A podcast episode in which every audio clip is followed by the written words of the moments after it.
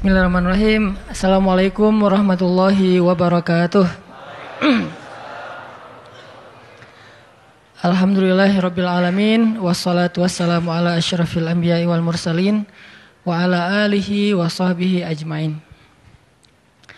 Teman-teman yang dirahmati Allah Subhanahu wa taala, beda rasanya nih duduk di bawah bareng. Nggak di bawah banget sih. Tadi kita udah dengerin uh, penjelasan dari guru kita Kang Edwin tentang sejarah konflik yang pernah terjadi di masa Rasulullah SAW. Walaupun mungkin konflik batin kita lebih berat kali ya. Konflik batin para jomblo. uh,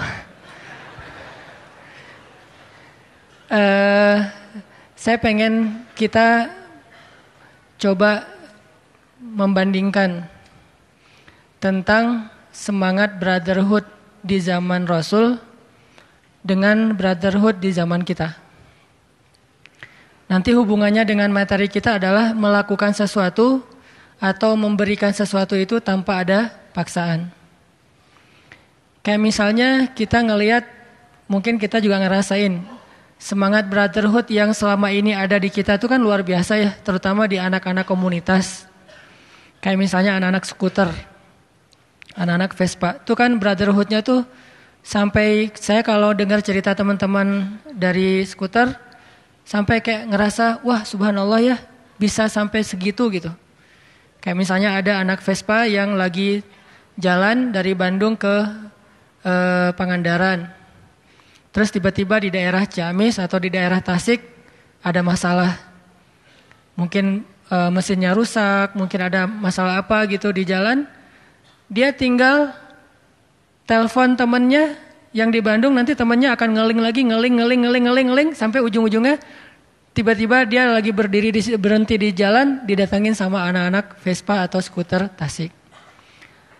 Atau bahkan kalau ada anak skuter lewat ngelihat ada orang yang lagi di jalan pakai skuter dan ada masalah itu walaupun nggak kenal langsung nyamperin ya.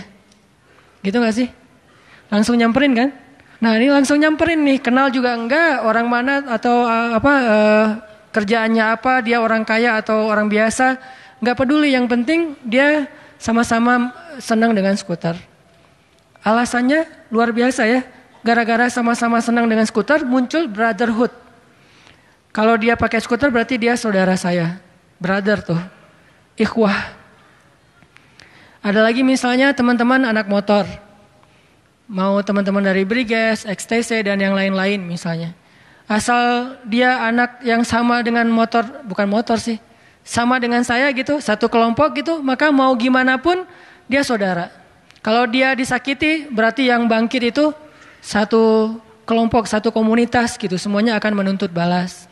Itu brotherhood yang memang udah ada di hati setiap manusia. Cuman motivasinya beda-beda. Ada yang motifnya karena hobi, kayak tadi skuter.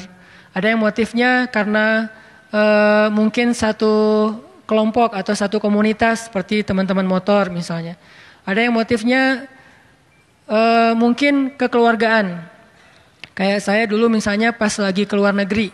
Keluar negeri itu orang Indonesia itu lebih kompak Kenapa? Karena kita berada di negeri orang kan. Biasanya tuh kalau kita keluar negeri pasti lebih kompak. Kayak misalnya di Bandung orang Aceh lebih kompak. Kenapa? Karena di Bandung. Kalau di Aceh biasa-biasa aja.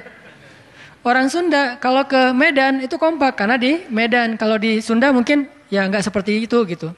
Artinya ada motivasi yang menjadikan kita itu brotherhoodnya tuh lebih kuat.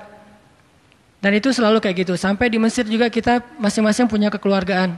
Kekeluargaan uh, apa mahasiswa Al Azhar dari uh, Jawa Barat misalnya.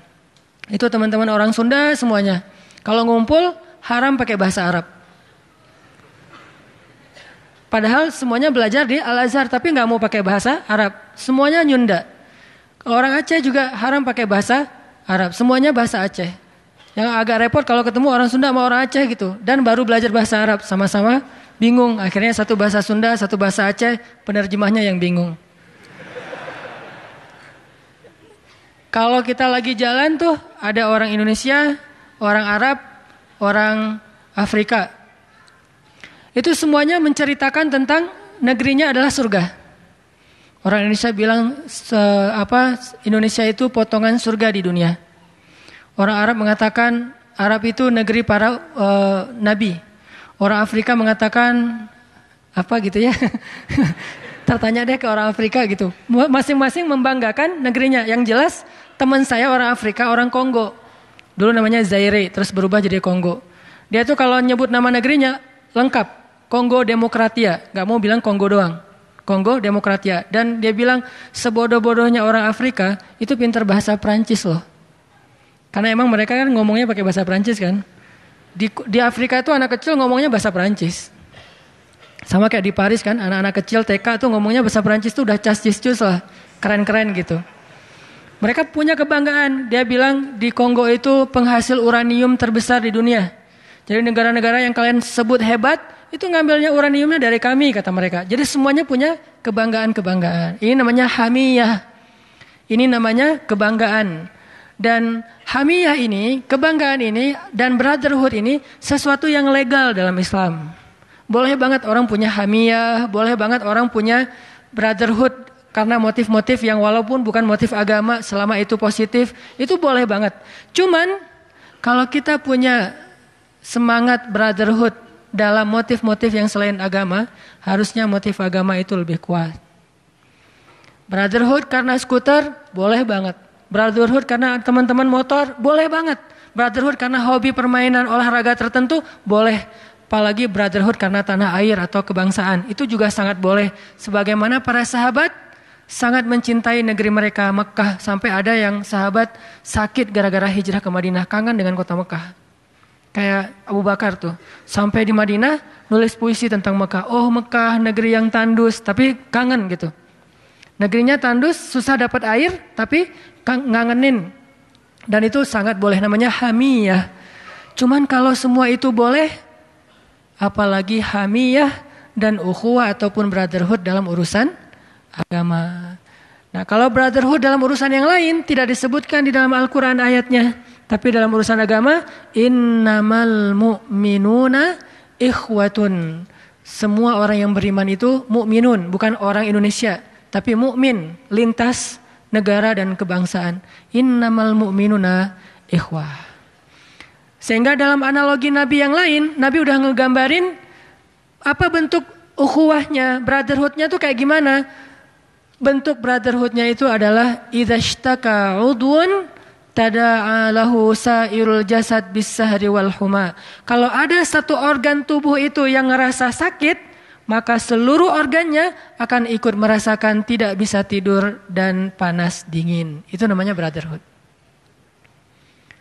Mungkin kita masih bisa tidur walaupun baru dapat berita tentang saudara kita yang dianiaya di rohinya. Mungkin kita masih bisa tidur ketika kita lihat ada postingan di IG tentang Suriah, Aleppo, atau tentang Irak, atau tentang Palestina yang sampai kemarin masih apa nggak boleh sholat sembarangan di dalam masjid mereka sendiri.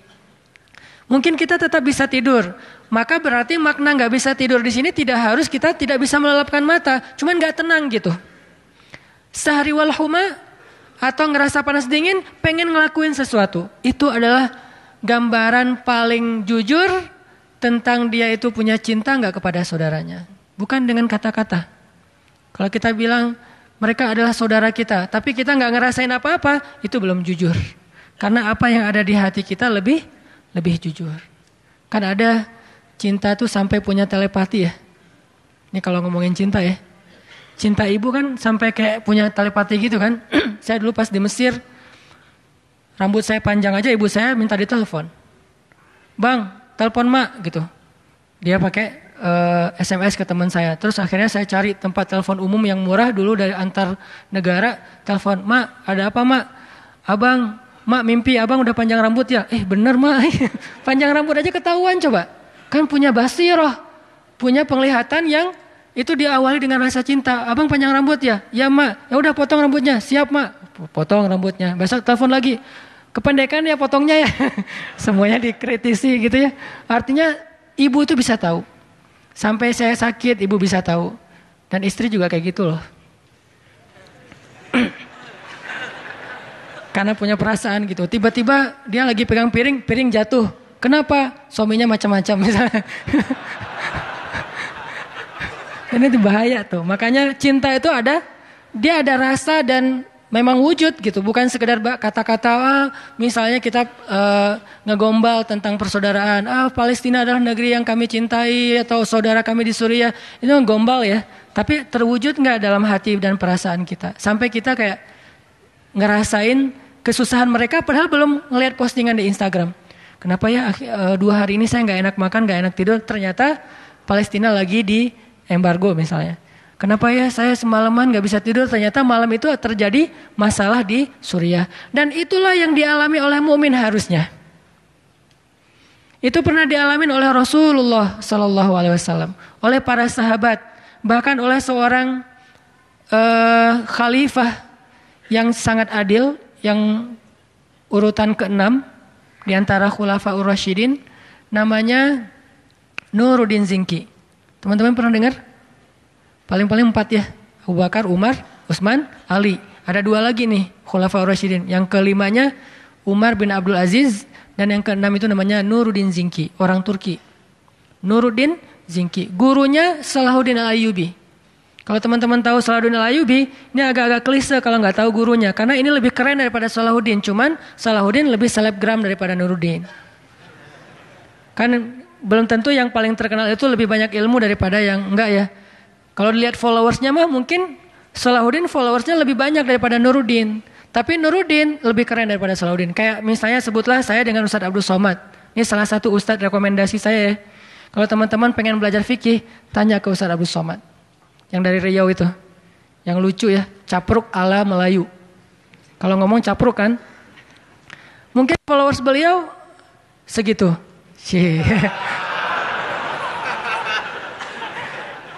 Tapi belum tentu yang followersnya sedikit, ilmunya sedikit. Menurut saya nih, ini jujur bukan saya sok-sok tawadu ya. Ilmu beliau luar biasa. Ilmu hadisnya, ilmu Al-Qur'annya, ilmu kitab-kitab fikihnya. Tahu sampai halaman-halaman. Walaupun mungkin tidak seterkenal yang lainnya. Ada ustadz yang eh, followersnya 1,1 misalnya. Ah baru juga segitu ya, udah pamer. Ada yang sampai 17 juta dan segala macam para selebgram selebgram Indonesia. Yang jelas belum tentu yang lebih terkenal itu lebih hebat daripada lebih ya lebih hebat daripada yang nggak terkenal. Nuruddin Zinki seorang khalifah yang ahli hadis. Beliau menulis kitab hadis riwayat beliau sendiri. Jadi bukan riwayat orang lain, beliau sendiri yang merawikan hadis tersebut. Jadi ini presiden perawi hadis. Coba bayangin presiden perawi hadis ilmunya kan banyak banget tuh. Sampai beliau pernah merawikan sebuah hadis tentang e, Nabi tersenyum setelah menyampaikan hadis itu. Kalau nggak salah istilahnya hadis musalsal. Hadis yang kalau kita baca kita harus ikut ekspresi Nabi. Kan banyak hadis tuh dibaca dengan nada yang berbeda dengan nada Nabi ya. Sehingga kesannya berubah. Kayak misalnya Nabi nyampein gini. Wahai anakku, kata Nabi kepada anak kecil Ibnu Abbas. Jagalah Allah, Allah jaga kamu. Nabi ngomongnya gitu. Pas dibaca sama khatib di atas mimbar, wahai anakku, gitu kan ya? Jagalah Allah, sesungguhnya Allah dan gitu. Jadi berubah kan? Gara-gara berubah nada, kesannya Nabi lagi marah-marah, padahal Nabi nggak marah-marah. Nah, hadis ada yang memang kita membacanya dengan ekspresi Nabi. Kalau Nabi senyum, kita bacanya senyum. Kalau Nabi sedih, kita bacanya se sedih. Salah satu hadisnya hadis tentang doa safar. Kalau kita naik di atas kendaraan, kita baca doa safar yang standar Bismillahirrahmanirrahim subhanalladzi sakharalana terus baca Rabbi zalamtu nafsi faghfirli fa innaka arhamu eh, fa innaka ghafurun rahim. Wahai Tuhanku aku sudah menzalimi diriku. Ampunilah aku. Siapa yang bisa mengampuni dosa selain engkau? Engkau pengampun lagi maha penyayang. Lalu tersenyum Lalu hadis ini disampaikan oleh Ali bin Abi Thalib. Ali pun tersenyum setelah menyampaikan hadis ini. Orang-orang nanya kepada Ali, Ya Abul Hasan, wahai Ali, kenapa anda tersenyum? Kata Ali, aku mendengar hadis ini dari Rasulullah SAW dan beliau tersenyum. Lalu aku bertanya, kenapa Rasul tersenyum? Kata Rasulullah, aku tersenyum karena Allah tersenyum. Jadi Allah tuh tersenyum kepada hambanya kalau kita baca doa itu. Dulu saya kan pernah ngomong kan kalau kita beristighfar tuh Allah senyum tuh kan ya. Itu ada hadisnya, cuman nggak perlu saya sebutin teksnya. Nah itu salah satunya diriwayatkan oleh Nuruddin Zinki. Sehingga ketika Nuruddin menyampaikan hadis ini, beliau nggak tersenyum. Diam aja. Murid-muridnya tahu hadis itu. Kemudian bertanya, ya Syekh, kenapa anda tidak tersenyum? Bukankah Rasulullah tersenyum setelah menyampaikan hadis ini? Kata Nuruddin, bagaimana saya akan tersenyum sedangkan negeri muslimin sedang dijajah oleh pasukan salib waktu itu. Dimyat namanya. Sampai segitunya nggak bisa terse nggak tersenyum. Ngelihat makanan teringat saudaranya di Palestina, di Suriah dan seterusnya. Ini artinya ada hamiyah, ada brotherhood, ada ukhuwah yang memang bukan basa-basi tapi ada di dalam hati mereka. Innamal mu'minuna ikhwah. Sehingga Nabi SAW mengatakan, kalian tidak disebut sempurna imannya sampai mencintai saudaranya seperti dia mencintai dirinya sendiri. Bisa nggak kita ngerasain kayak gitu? Mencintai saudara kita seperti kita mencintai keluarga kita sendiri. Anak-anak yang terusir di rohinya itu bukan anak orang lain, tapi rasanya buat kita seperti anak kita sendiri. Kalau yang punya anak. Kalau belum, uh, adik-adik kita sendiri. Yang jelas bukan istri kita sendiri ya, itu istri orang gitu. Istri-istri di rohinya adalah istri saya, bukan. Itu mah beda. Khusus buat anak sama adik kakak gitu ya. Kalau untuk pasangan yang pakai akad, akad dulu baru boleh ngaku-ngaku. Akad juga belum kan? Lamar juga mungkin masih ditolak. Ini teman-teman berarti kita rasain tidaklah dia uh, sempurna imannya sampai dia mencintai saudaranya seperti dia mencintai diri sendiri. Artinya apa? Sampai dia mencintai orang lain, saudaranya sesama uh, mukmin seperti dia mencintai keluarganya sendiri. Seperti kita mencintai anak kita, adik kita, kakak kita, orang tua kita. Jadi yang terusir, yang sampai meninggal di sungai, meninggal di laut, itu bukan orang lain teman-teman. Harusnya kita ngerasain itu adalah ayah saya, ibu saya, kakak saya, adik saya, anak saya. Kalau udah bisa ngerasain kayak gitu, berarti insya Allah udah punya brotherhood dengan motif iman. Yang tadi tetap dijaga, jangan ditinggalkan. Tadi kita punya brotherhood dengan motif uh, ulin. Brotherhood dengan motif hobi. Sekarang brotherhood dengan motif i, iman. Jadi kita bukan hanya bisa punya rasa ikatan gara-gara sesuatu yang kita senangi aja, tapi punya sebuah ikatan gara-gara sesuatu yang kita yakini, bukan cuma yang kita senangi. Sehingga kita terus berpikir nih ngapain ya, apa yang bisa saya lakukan ya. Saya udah donasi sih, tapi kayaknya ngerasa kurang gitu, ngasih lagi, ngasih lagi. Kalau perlu, kalau perlu saya kayaknya harus ke Suriah. Ngapain? Ngasih solusi konkret. Salah satunya mungkin ini khusus buat yang udah sering ditolak, di sana insya Allah nggak akan ditolak. Banyak banget loh yang perempuan-perempuan yang di sana jadi uh, apa sendiri jadi mungkin tidak ada yang ngurus. Kalau teman-teman ngerasa putus asa di Indonesia ke Suriah insya Allah. Nggak ada mertua di sana nanya kamu kerjaannya apa? Nggak. Dari mana Indonesia? Yang penting Indonesia aman lah udah. Bawa aja anak saya. Yang mana nih? Ada lima anak saya teh. Bisa pilih coba. Masya Allah ya yang putus asa. Tapi saya kira di sini nggak ada yang putus asa. Di atas tuh semuanya pada siap insya Allah. Cuman kalau ada nih ya, kalau ada yang putus asa, mangga silahkan ke Suriah. Dan itu solusi konkret banget loh. Nikahin, jadikan warga Indonesia, udah selesai kan? Mungkin kalau kita bawa mereka ngungsi ke Indonesia agak susah. Tapi kalau menikahi mereka, alhamdulillah, bukan kita, teman-teman maksudnya. Saya mah nggak bisa. Nggak boleh saya teh. Ada istri saya di bawah. Enggak, enggak. Maksudnya teman-teman nih yang jomblo-jomblo yang ngerasa putus asa, Ustadz ditanya terus Ustadz kuliahnya udah lulus belum, kerjanya apa? Udahlah, nggak usah repot-repot. Di sana maharnya juga yang penting bisa ada tiket pulang ke Indonesia udah mahar itu teh. Bisa kayak gitu. Kayak di Turki tuh teman-teman. Di Turki itu e, pengungsi Suriah di sana itu lebih dari 3 juta. Itu sama dengan seluruh penduduk Bandung kan? Penduduk Bandung kan kurang lebih 3 juta orang. Berarti Turki ngasih makan satu kota Bandung setiap hari selama bertahun-tahun dari APBN mereka sendiri. Gak pernah ngutang ke luar negeri. Dan yang ngasih makannya siapa? Bukan cuma pemerintah, yang ngasih makannya juga rakyat Turki itu sendiri. Karena punya brotherhood yang kuat. Sehingga satu keluarga Turki memberi makan satu keluarga pengungsi Suriah. Sampai kemarin tuh pemerintah Turki ngasih kayak semacam uh, beasiswa kepada cowok-cowok Turki yang pengen menikah dengan perempuan Suriah yang jadi pengungsi, yang miskin, yang sendiri dan akan diberikan gaji oleh pemerintah Turki bagi yang menikah. Mudah-mudahan pemerintah kita ngasih program kayak gitu insya Allah. Yang menikahi para pengungsi karena perang atau menikahi perempuan-perempuan yang uh, mungkin kurang mampu karena keluarganya uh, diuji dengan kemiskinan, berarti dikasih beasiswa oleh pemerintah. Tinggal berarti perginya ke pelosok-pelosok, ke Garut, ke pelosok Tasik, ngapain pengen dapat beasiswa? Beasiswa pernikahan sebulan sejuta lumayan lah ya untuk hidup berdua.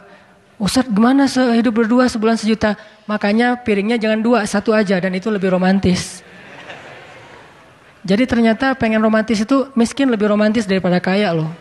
Kaya satu makan di kafe sana, yang satu di restoran sana. Kalau miskin tetap aja sepiring berdua, satu warung padang, satu nasi padang bungkus itu berdua. Kalau perlu ikannya cuma telur setengah lagi tuh, itu juga berdua. Coba bayangin kan romantis banget kan? Air putih satu gelas berdua, nasi sepiring berdua, sehingga insya Allah akan Allah berikan keluarga yang jauh lebih uh, nyaman. Nah ini hubungannya siapa ya? Pokoknya gitu deh. Ukhuwah. Coba kita renungkan, bandingkan brotherhood di zaman kita ini dengan brotherhood di zaman para sahabat. Terutama yang Allah rekam di dalam surat Al-Hasyr ayat 9. Itu simbol brotherhood paling agung paling fenomenal yang pernah ada di zaman para sahabat. Brotherhoodnya orang Ansor. Ansor itu emang terkenal sih. Cintanya kepada muhajirin itu kayak sampai nggak masuk akal. Muhajirin itu kan bukan siapa-siapanya Ansor kan. Beda klan, beda kabilah, bahkan dulu tuh sebelum masuk Islam, mereka tuh saling membanggakan diri dan saling menjelekan apa orang Quraisy itu gini-gini kata orang Quraisy apa orang-orang dari uh, khawa, uh, apa uh, sebutlah orang Ansar teh terbagi dengan Aus dan Khazraj. Apa orang Aus, orang Khazraj itu nggak penting dan nggak nggak nggak keren gitu. Orang-orang Quraisy yang paling keren saling membanggakan diri dan menjelekan yang lain dulu sebelum Islam. Begitu datang Islam, la ilaha illallah Muhammad Rasulullah, kata orang Ansar, orang Muhajirin adalah saudara kami. Begitu orang muhajirin hijrah ke Madinah, orang Ansar sudah menyediakan sebagian dari hartanya untuk muhajirin. Dihadiahkan, setengah loh. Jadi kalau kita punya tabungan, coba bandingkan teman-teman. Kita punya tabungan nih, biasanya berapa tabungan rata-rata? Sebutlah 10 juta. Berarti 5 juta buat muhajirin. 5 juta lagi buat saya dan keluarga. Kalau yang punya tabungan 100 juta, 50 juta buat muhajirin. Kalau yang punya tabungan 1 miliar, 500 juta buat muhajirin. Itu nggak tanggung-tanggung ngasihnya setengah. Makanya kalau kita mau ngeremehin orang Ansor, merasa bahwa brotherhood kita lebih baik, baca deh sejarah orang Ansor memberikan setengah harga harta mereka. Luar biasa ternyata. Terus pas mereka lagi panen, kan muhajirin itu nggak nggak jago bercocok tanam ya, jagonya perang sama jagonya militer sama dagang. Itu keahlian muhajirin, militer sama berdagang. Ansor keahliannya bercocok tanam, sawah, ladang, kebun korma. Ketika mereka panen korma, mereka nggak mau mengambil hasil panen itu kecuali mengundang kaum muhajirin. Jadi kaum muhajirin pas hari panen tuh ngumpul di Masjid Nabawi. Mereka zikir-zikir gitu, nggak enak keluar takutnya nanti bikin orang Ansor nggak enak hati gitu. Hari ini hari rayanya orang Ansor. Muhajirin di masjid aja. Terus orang Ansor udah ngumpulin semua korma hasil panen. Mereka panggil orang muhajirin. Ya Rasulullah, kami ingin mengundang saudara-saudara kami orang-orang muhajirin untuk datang ke kebun korma. Kata Nabi ada apa? Kami baru selesai panen ya Rasul dan kami tidak akan mengambil bagian sebelum orang muhajirin mengambil bagian mereka. Orang muhajirin disuruh ngambil bagian dulu dari bagian panennya orang Ansor. Padahal yang kerja orang Ansor. Pemilik tanah orang Ansor. Yang uh, selama ini susah payah orang Ansor. Tetapi ketika udah ada hasilnya, yang manen pun orang Ansor. Yang metik buah kurma itu orang Ansor. Semuanya orang Ansor. Tapi giliran hasilnya pas mau dibagi, mereka tidak mau mengambil bagian kecuali orang muhajirin mengambil bagian terlebih dahulu. Ansor, simbol brotherhood yang paling luar biasa. Dan itu mereka lakukan tanpa ada paksaan dari siapa pun. Nabi nggak pernah ngancam mereka, nggak pernah memerintahkan mereka harus bagi dua dengan muhajirin, nggak pernah sama sekali. Nabi cuman mem apa, mempersaudarakan mereka. Kamu adalah saudaranya dia, kamu adalah saudaranya dia. Terserah setelah itu mau kayak gimana. Sampai orang Ansor kalau ada yang meninggal dunia, warisannya dibagi berdua dengan orang muhajirin. Jadi kalau bapaknya meninggal, anaknya orang Ansor bagi warisan sama orang muhajirin. Sampai kayak gitu coba. Ini sampai Allah Subhanahu wa taala di surat Al-Hasyr ayat 9 memuji orang Ansor dengan kalimat yang cukup panjang. Orang Ansor adalah orang yang terkenal dengan ithar yang mengorbankan dirinya untuk kebaikan orang muhajirin. Itulah ansor. Sehingga kalau teman-teman kita ngerasa mungkin alhamdulillah Indonesia ini dikasih kesempatan mau menjadi karena umat Islam itu cuma punya dua peran. Mau jadi muhajirin atau mau jadi ansor. Kalau muhajir, mau jadi muhajirin, muhajirin yang ada di zaman kita adalah Palestina, Suriah, Irak, Rohingya, Yaman, Somalia. Itu muhajirin zaman kita. Sedangkan kita, Indonesia, Turki, Malaysia, negara-negara Islam yang alhamdulillah aman, berarti kita uh, ditakdirkan Allah menjadi orang-orang yang hidupnya seperti kaum kaum Ansor. Jadi mungkin muhajirin juga istimewa karena orang muhajirin tetap adalah uh, salah satu kelompok yang paling istimewa di dalam Al-Quran. Bahkan Allah menyebutnya minal muhajirina wal ansor. Nggak ada minal ansori wal muhajirin. Minal muhajirin dulu. Kenapa? Karena mereka istimewa dengan kesabaran yang mereka miliki. Sabar banget. Indonesia mungkin kalau dikasih kehidupan seperti muhajirin nggak akan kuat. Alhamdulillah kita ditempatkan dengan kondisi ansor. Negara kita aman, makmur. Alhamdulillah orang-orangnya semuanya punya rasa empati yang besar. Dari dulu kan terkenal gotong royong dan segala macam yang hebat-hebat dari orang Indonesia. Berarti Allah mentakdirkan Indonesia ini jadi ansor. Suriah jadi muhajirin, Rohingya jadi muhajirin, Palestina jadi muhajirin. Mereka diuji dan Allah memberikan kehebatan mereka lewat sabar. Kita tidak diberikan kehebatan lewat sabarnya, tapi diberikan kehebatan lewat persaudaraannya. Kan karena kita dikasih ujian sedikit kadang-kadang gampang ngeluh kan ya. Coba bandingkan ngeluh kita dengan ngeluh anak suri aja udah malu kita sama mereka. Anak kecil ngerawat adiknya jadi ayah dan ibu bagi adiknya nggak pernah ngeluh. Kalau ditanya gimana keadaan kalian, Alhamdulillah Allah maha baik untuk kami. Mereka masih bilang la ilaha illallah. Lagi dioperasi, lagi dibedah, nggak pakai bius, mereka baca Al-Quran. Kita nggak akan sesabar itu. Mana ada orang Indonesia yang lagi dibedah baca Al-Quran, diputusin aja jadi nggak bisa baca Quran ya. Hari ini diputusin, hari ini lupa satu juz. Biasanya one day one juz nih. Pas diputusin, one day zero juz gitu. Zong gitu jadinya. Kenapa? Kita nggak sesabar orang-orang muhajirin. Berarti kelebihan kita apa? Kelebihan kita itu di bab uhuwah. Bukan di bab sabar. Bukan di bab sabarnya, tetapi persaudaraannya. Sehingga kalau kita diberikan nikmat menjadi orang Madinah, tapi tidak mengambil peran sebagai orang Ansor, naudzubillah mungkin Allah akan mencabut nikmat itu dari kita sehingga kita tidak menjadi ansar, tidak pula menjadi muhajirin. Berarti kalau tidak menjadi salah satu di antara keduanya, tidak ada jaminan apa-apa nanti di akhirat. Kita tinggal milih.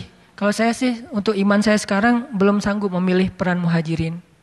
Saya mah milih ansor aja semampu saya. Tapi kalau Allah takdirkan jadi muhajirin, ya radina billahi robba sami'na wa ta'na. Cuman kalau disuruh pilih, kayaknya lebih nyaman milih jadi ansor aja deh.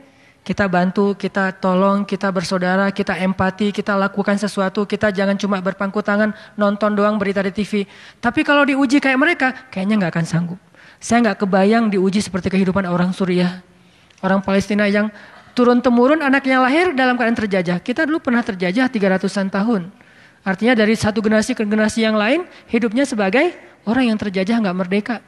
Tapi Alhamdulillah sekarang kita hidup di zaman yang berbeda udah merdeka, alhamdulillah diberikan negeri yang luar biasa, diberikan kehidupan berbangsa yang luar biasa, tinggal kita mau nggak mengambil peran orang-orang an ansor. Ustadz, kita juga susah. Nah, baca lagi kisah ansor. Emangnya orang ansor itu kaya semua? Nggak semua kaya. Bahkan ada orang ansor yang sangat fakir, bukan miskin lagi teman-teman. Bahkan fakir. Tapi dia tetap menolong muhajirin. Yang saya sering ceritakan. Ada orang muhajirin baru hijrah. Terus belum makan, kata Nabi siapa yang mau berdagang dengan Allah? Seorang laki-laki ansar angkat tangan, saya Rasulullah, ana ya Rasulullah. Dibawa pulang laki-laki muhajirin ke rumahnya. Ditunggu, disuruh tunggu di luar rumah, rumahnya kecil. Dia masuk ke rumahnya, uh, dia tanya ke istrinya, wahai istriku, mah di rumah ada makanan enggak? Kata istrinya, ada satu roti jatah anak-anak makan malam. Dari tadi siang mereka belum makan. Kata suaminya, mah boleh nggak kalau roti itu dikasih ke tamu kita? Orang muhajirin kasihan baru hijrah belum makan beberapa hari. Kata istrinya, tapi itu jatah anak-anak. Bisa nggak anak-anak kamu bawa tidur di apa diceritain apa cerita-cerita pembawa tidur supaya mereka tertidur. Kalau mereka udah tidur nanti kita kasih makan roti ini untuk tamu kita. Boleh nggak mah? Nggak maksa cuma nanya doang. Dan istrinya mengatakan sami'na wa ato'na. Baik Tunggu ya, saya bawa anak-anak tidur dulu. Eh anak-anak ayo kita ke kamar, tidur gitu. Tidur diceritain, dibelai-belai kepala mereka, sampai akhirnya mereka lupa dengan rasa laparnya, tidur nih. Udah tidur, keluarlah istrinya membuatkan roti itu, ditaruh di ruang tamu. Ditaruh di ruang tamu, kata suaminya nanti matikan lampu, biar saudara kita muhajirin makan sepuasnya tanpa merasa tidak enak karena kita nggak ikut makan matiin lampunya, silakan makan dalam gelap-gelap gitu. Mereka kayak kecap-kecap gitu pura-pura makan. Makan, udah selesai, mereka gini-gini padahal nggak makan apa-apa. Gimana rasanya? Alhamdulillah ini makanan terenak yang saya makan selama ini. Karena udah beberapa hari nggak makan. Udah selesai itu dikasih tempat tidur, mereka tidur di luar. Ini Ansor bukan orang kaya, bukan orang yang punya kebun kurma, bahkan fakir. Makanan anaknya aja dari tadi siang diirit-irit supaya bisa makan malam bareng dengan keluarga, dengan ayahnya. Tapi anaknya sehari itu jadi nggak makan demi muhajirin. Kita mungkin nggak akan sampai gitu-gitu amat. Kita nggak berkorban dengan roti kita, kita paling-paling berkorban dengan pulsa dan kuota kita doang. Paling parahnya nih, kalau kita pun harus ngasih yang bukan lebih pas-pasan, paling-paling kita berkorban dengan pulsa kita. Yang tadinya pengen mungkin uh, ngedownload sesuatu, yang tadinya pengen nonton YouTube, yang tadinya pengen berbagi pulsa tethering sama si dia, misalnya jadi nggak bisa tetheringan gitu kan ya? Ya udah nggak apa-apa deh, siapa tahu nggak bisa tetheringan tapi bisa akad, kan lebih bagus kan? Kenapa kok bisa akad tiba-tiba diterima? Gara-gara siapa yang menolong saudaranya, Allah tolong dia. Ini cara paling gampang tuh untuk menolong diri kita, tolong orang lain. Jadi jangan berpikir Orang Ansor itu kaya semua baru menolong muhajirin. Sehingga orang Indonesia harus makmur semuanya. Harus kaya semuanya baru mau menolong orang rohinya. Enggak. Justru kalau kita pengen insya Allah berkah harta kita, kita tolong orang lain. Allah akan berikan keberkahan. Jadikan sedekah itu seperti hobi. Duh hari ini nggak enak hati nih kenapa? Belum sedekah. Cie. Hari ini nggak enak hati kenapa? Belum main skate belum apa main sepeda, belum lari-lari uh, misalnya yang senang uh, apa indoor runners atau uh, parkour dan segala macam. Aduh, lagi bete nih, kenapa belum uh, off road, belum touring? Kenapa bete? Belum sedekah. Setiap hari kita berpikir, hari ini bantu siapa ya? Hari ini bantu siapa ya? Kalau nggak bisa sedekah dengan harta, minimal kita bersedekah dengan pulsa. Gimana bersedekah dengan pulsa? Kita ngeling ke orang yang yang mampu. Tapi saya yakin dengan kehidupan kita di Indonesia nggak mungkin juga nggak bisa bersedekah walaupun cuma 5 ribu, 10 ribu. Ustadz saya adanya cuma segini. Mudah-mudahan selama itu bukan kebutuhan darurat kita, hanya untuk makan, ya udah hari ini saya puasa, jatah makan siang saya rohinya. Berapa jatah makan siang? 10 ribu rohinya. Sehingga hari ini makan siang saya saya pakai berpuasa. Udahlah dapat pahala puasa plus dapat pahala sedekah. Dan 10 ribu kita yang gara-gara kita emang pas-pasan itu mungkin nilainya di mata Allah lebih besar daripada sejuta bagi orang yang berkelebihan harta. Jangan lihat angkanya, lihat pengorbanannya. Ada orang yang sejuta nggak berkorban, itu lebih. Bahkan dia punya miliaran, sejuta itu nggak berasa buat dia. Emang saya sedekah? Iya pak, sejuta, gede loh pak. Oh nggak berasa ya, saking dia sekali ngeluarin digesek sekali bisa 5 juta, 10 juta nggak berasa buat dia. Karena dia sekali beli baju mungkin harganya berapa puluh juta, beli tas, dia apa benerin mobil atau dia salonin mobil udah habis berapa. Renovasi rumah udah habis berapa? Sejuta nggak berasa buat dia. Kita seratus ribu itu diingat sampai bertahun-tahun. Kenapa keingat? Karena itu pengorbanan. Berarti seratus ribu kita kadang di mata Allah lebih besar daripada jutaan bagi orang yang berkelebihan harta, makanya jangan berkecil hati dengan angkanya. Tapi lihat pengorbanan di angka itu, sebesar apa pengorbanannya. Al jaza ala qadril masyaqqah. Balasan Allah itu tergantung tingkat kesulitan dalam beramal. Jadi teman-teman, kita coba samain nih semangat brotherhood kita yang bermotivasi apa? Yang motifnya adalah hobi dengan sekarang semangat brotherhood kita dengan motif motif iman, biar nggak malu sama Allah. Karena bagi saya saya juga punya semangat brotherhood walaupun mungkin de bukan dengan skuter, bukan dengan komunitas, tapi dengan beberapa model yang lain. Cuman kalau saya misalnya saya ngelihat ada orang yang menurut saya nih dia orang soleh, menurut saya nih kan kita hanya tahu dari yang zahir ya, nggak boleh menghakimi yang batin. Zahirnya kayaknya dia soleh, jidatnya lebih hitam, bukan lebih hitam hitam karena saya nggak hitam sama sekali jidatnya hitam. Terus jenggotnya panjang. Udah gitu bacaan Al-Qur'annya bagus, ilmunya banyak. Malamnya diam-diam ternyata saya perhatiin tahajud. Siangnya sering puasa, akhlaknya baik, suka bantu orang lain. Wah, ini ciri-ciri ahli surga nih.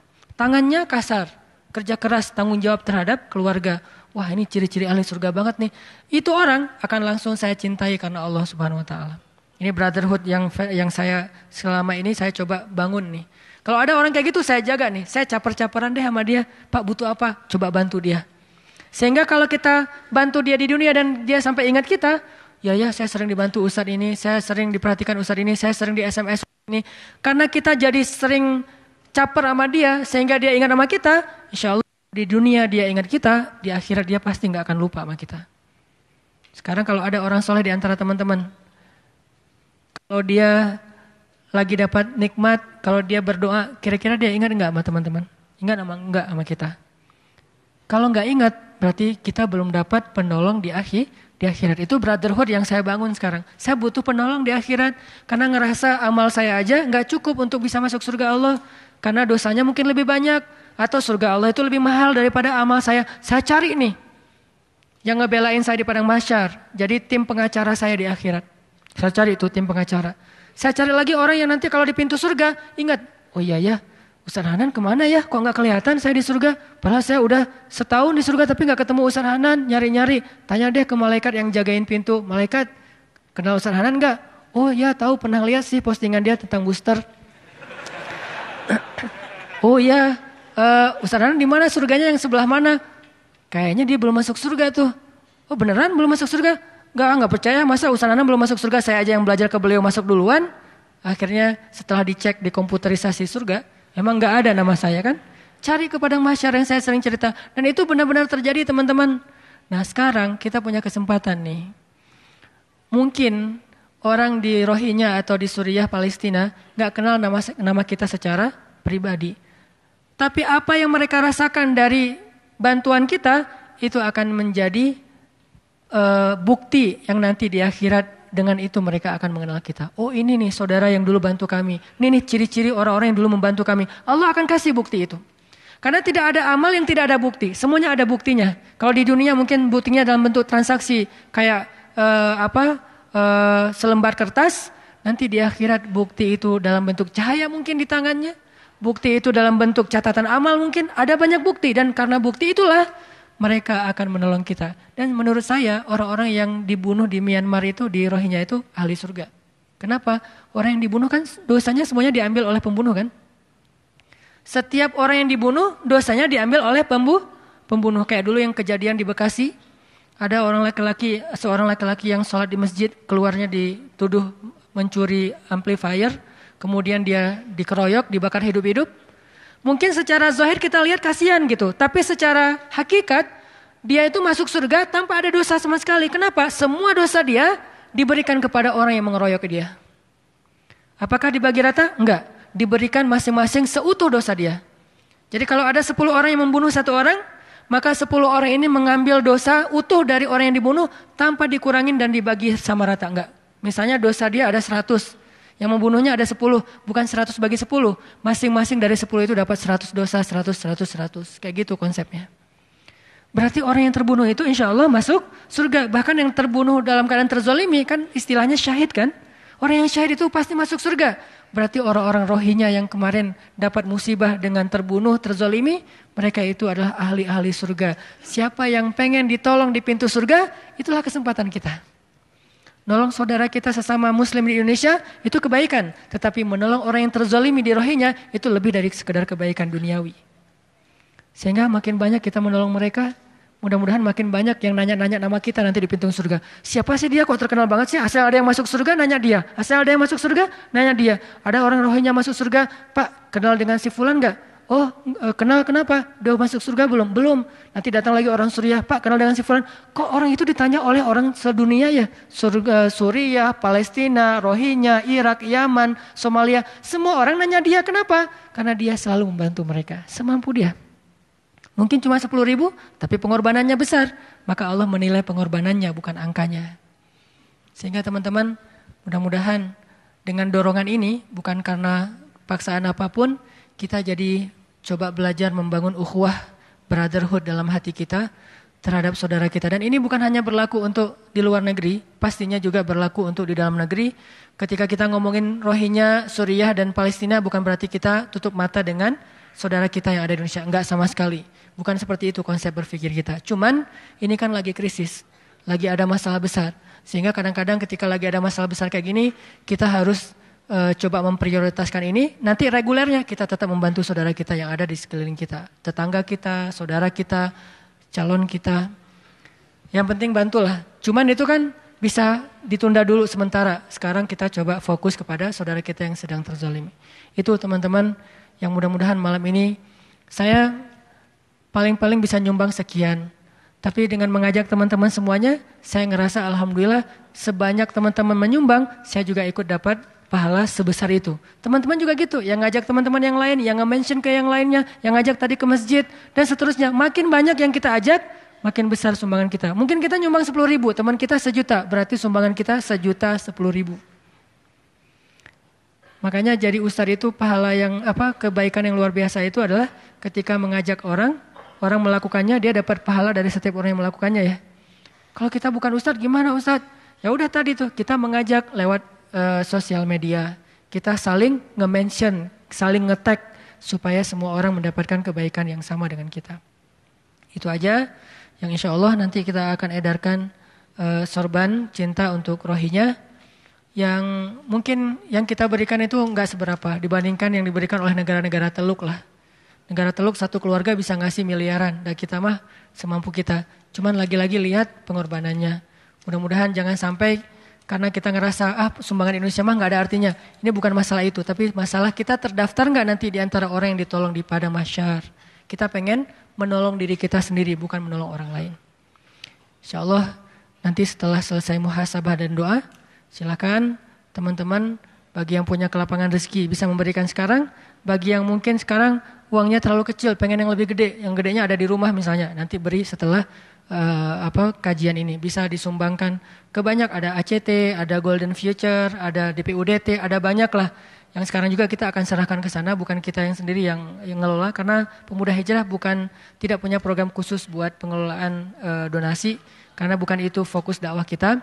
Tapi insya Allah kita tetap membantu beberapa organisasi e, kemanusiaan yang ada di Indonesia untuk dunia. Mudah-mudahan ini bisa jadi booster buat kita. Seperti kata-kata saya di e, postingan terakhir, kita menolong mereka di dunia, nanti mereka yang akan menolong kita di akhirat dan itu pasti.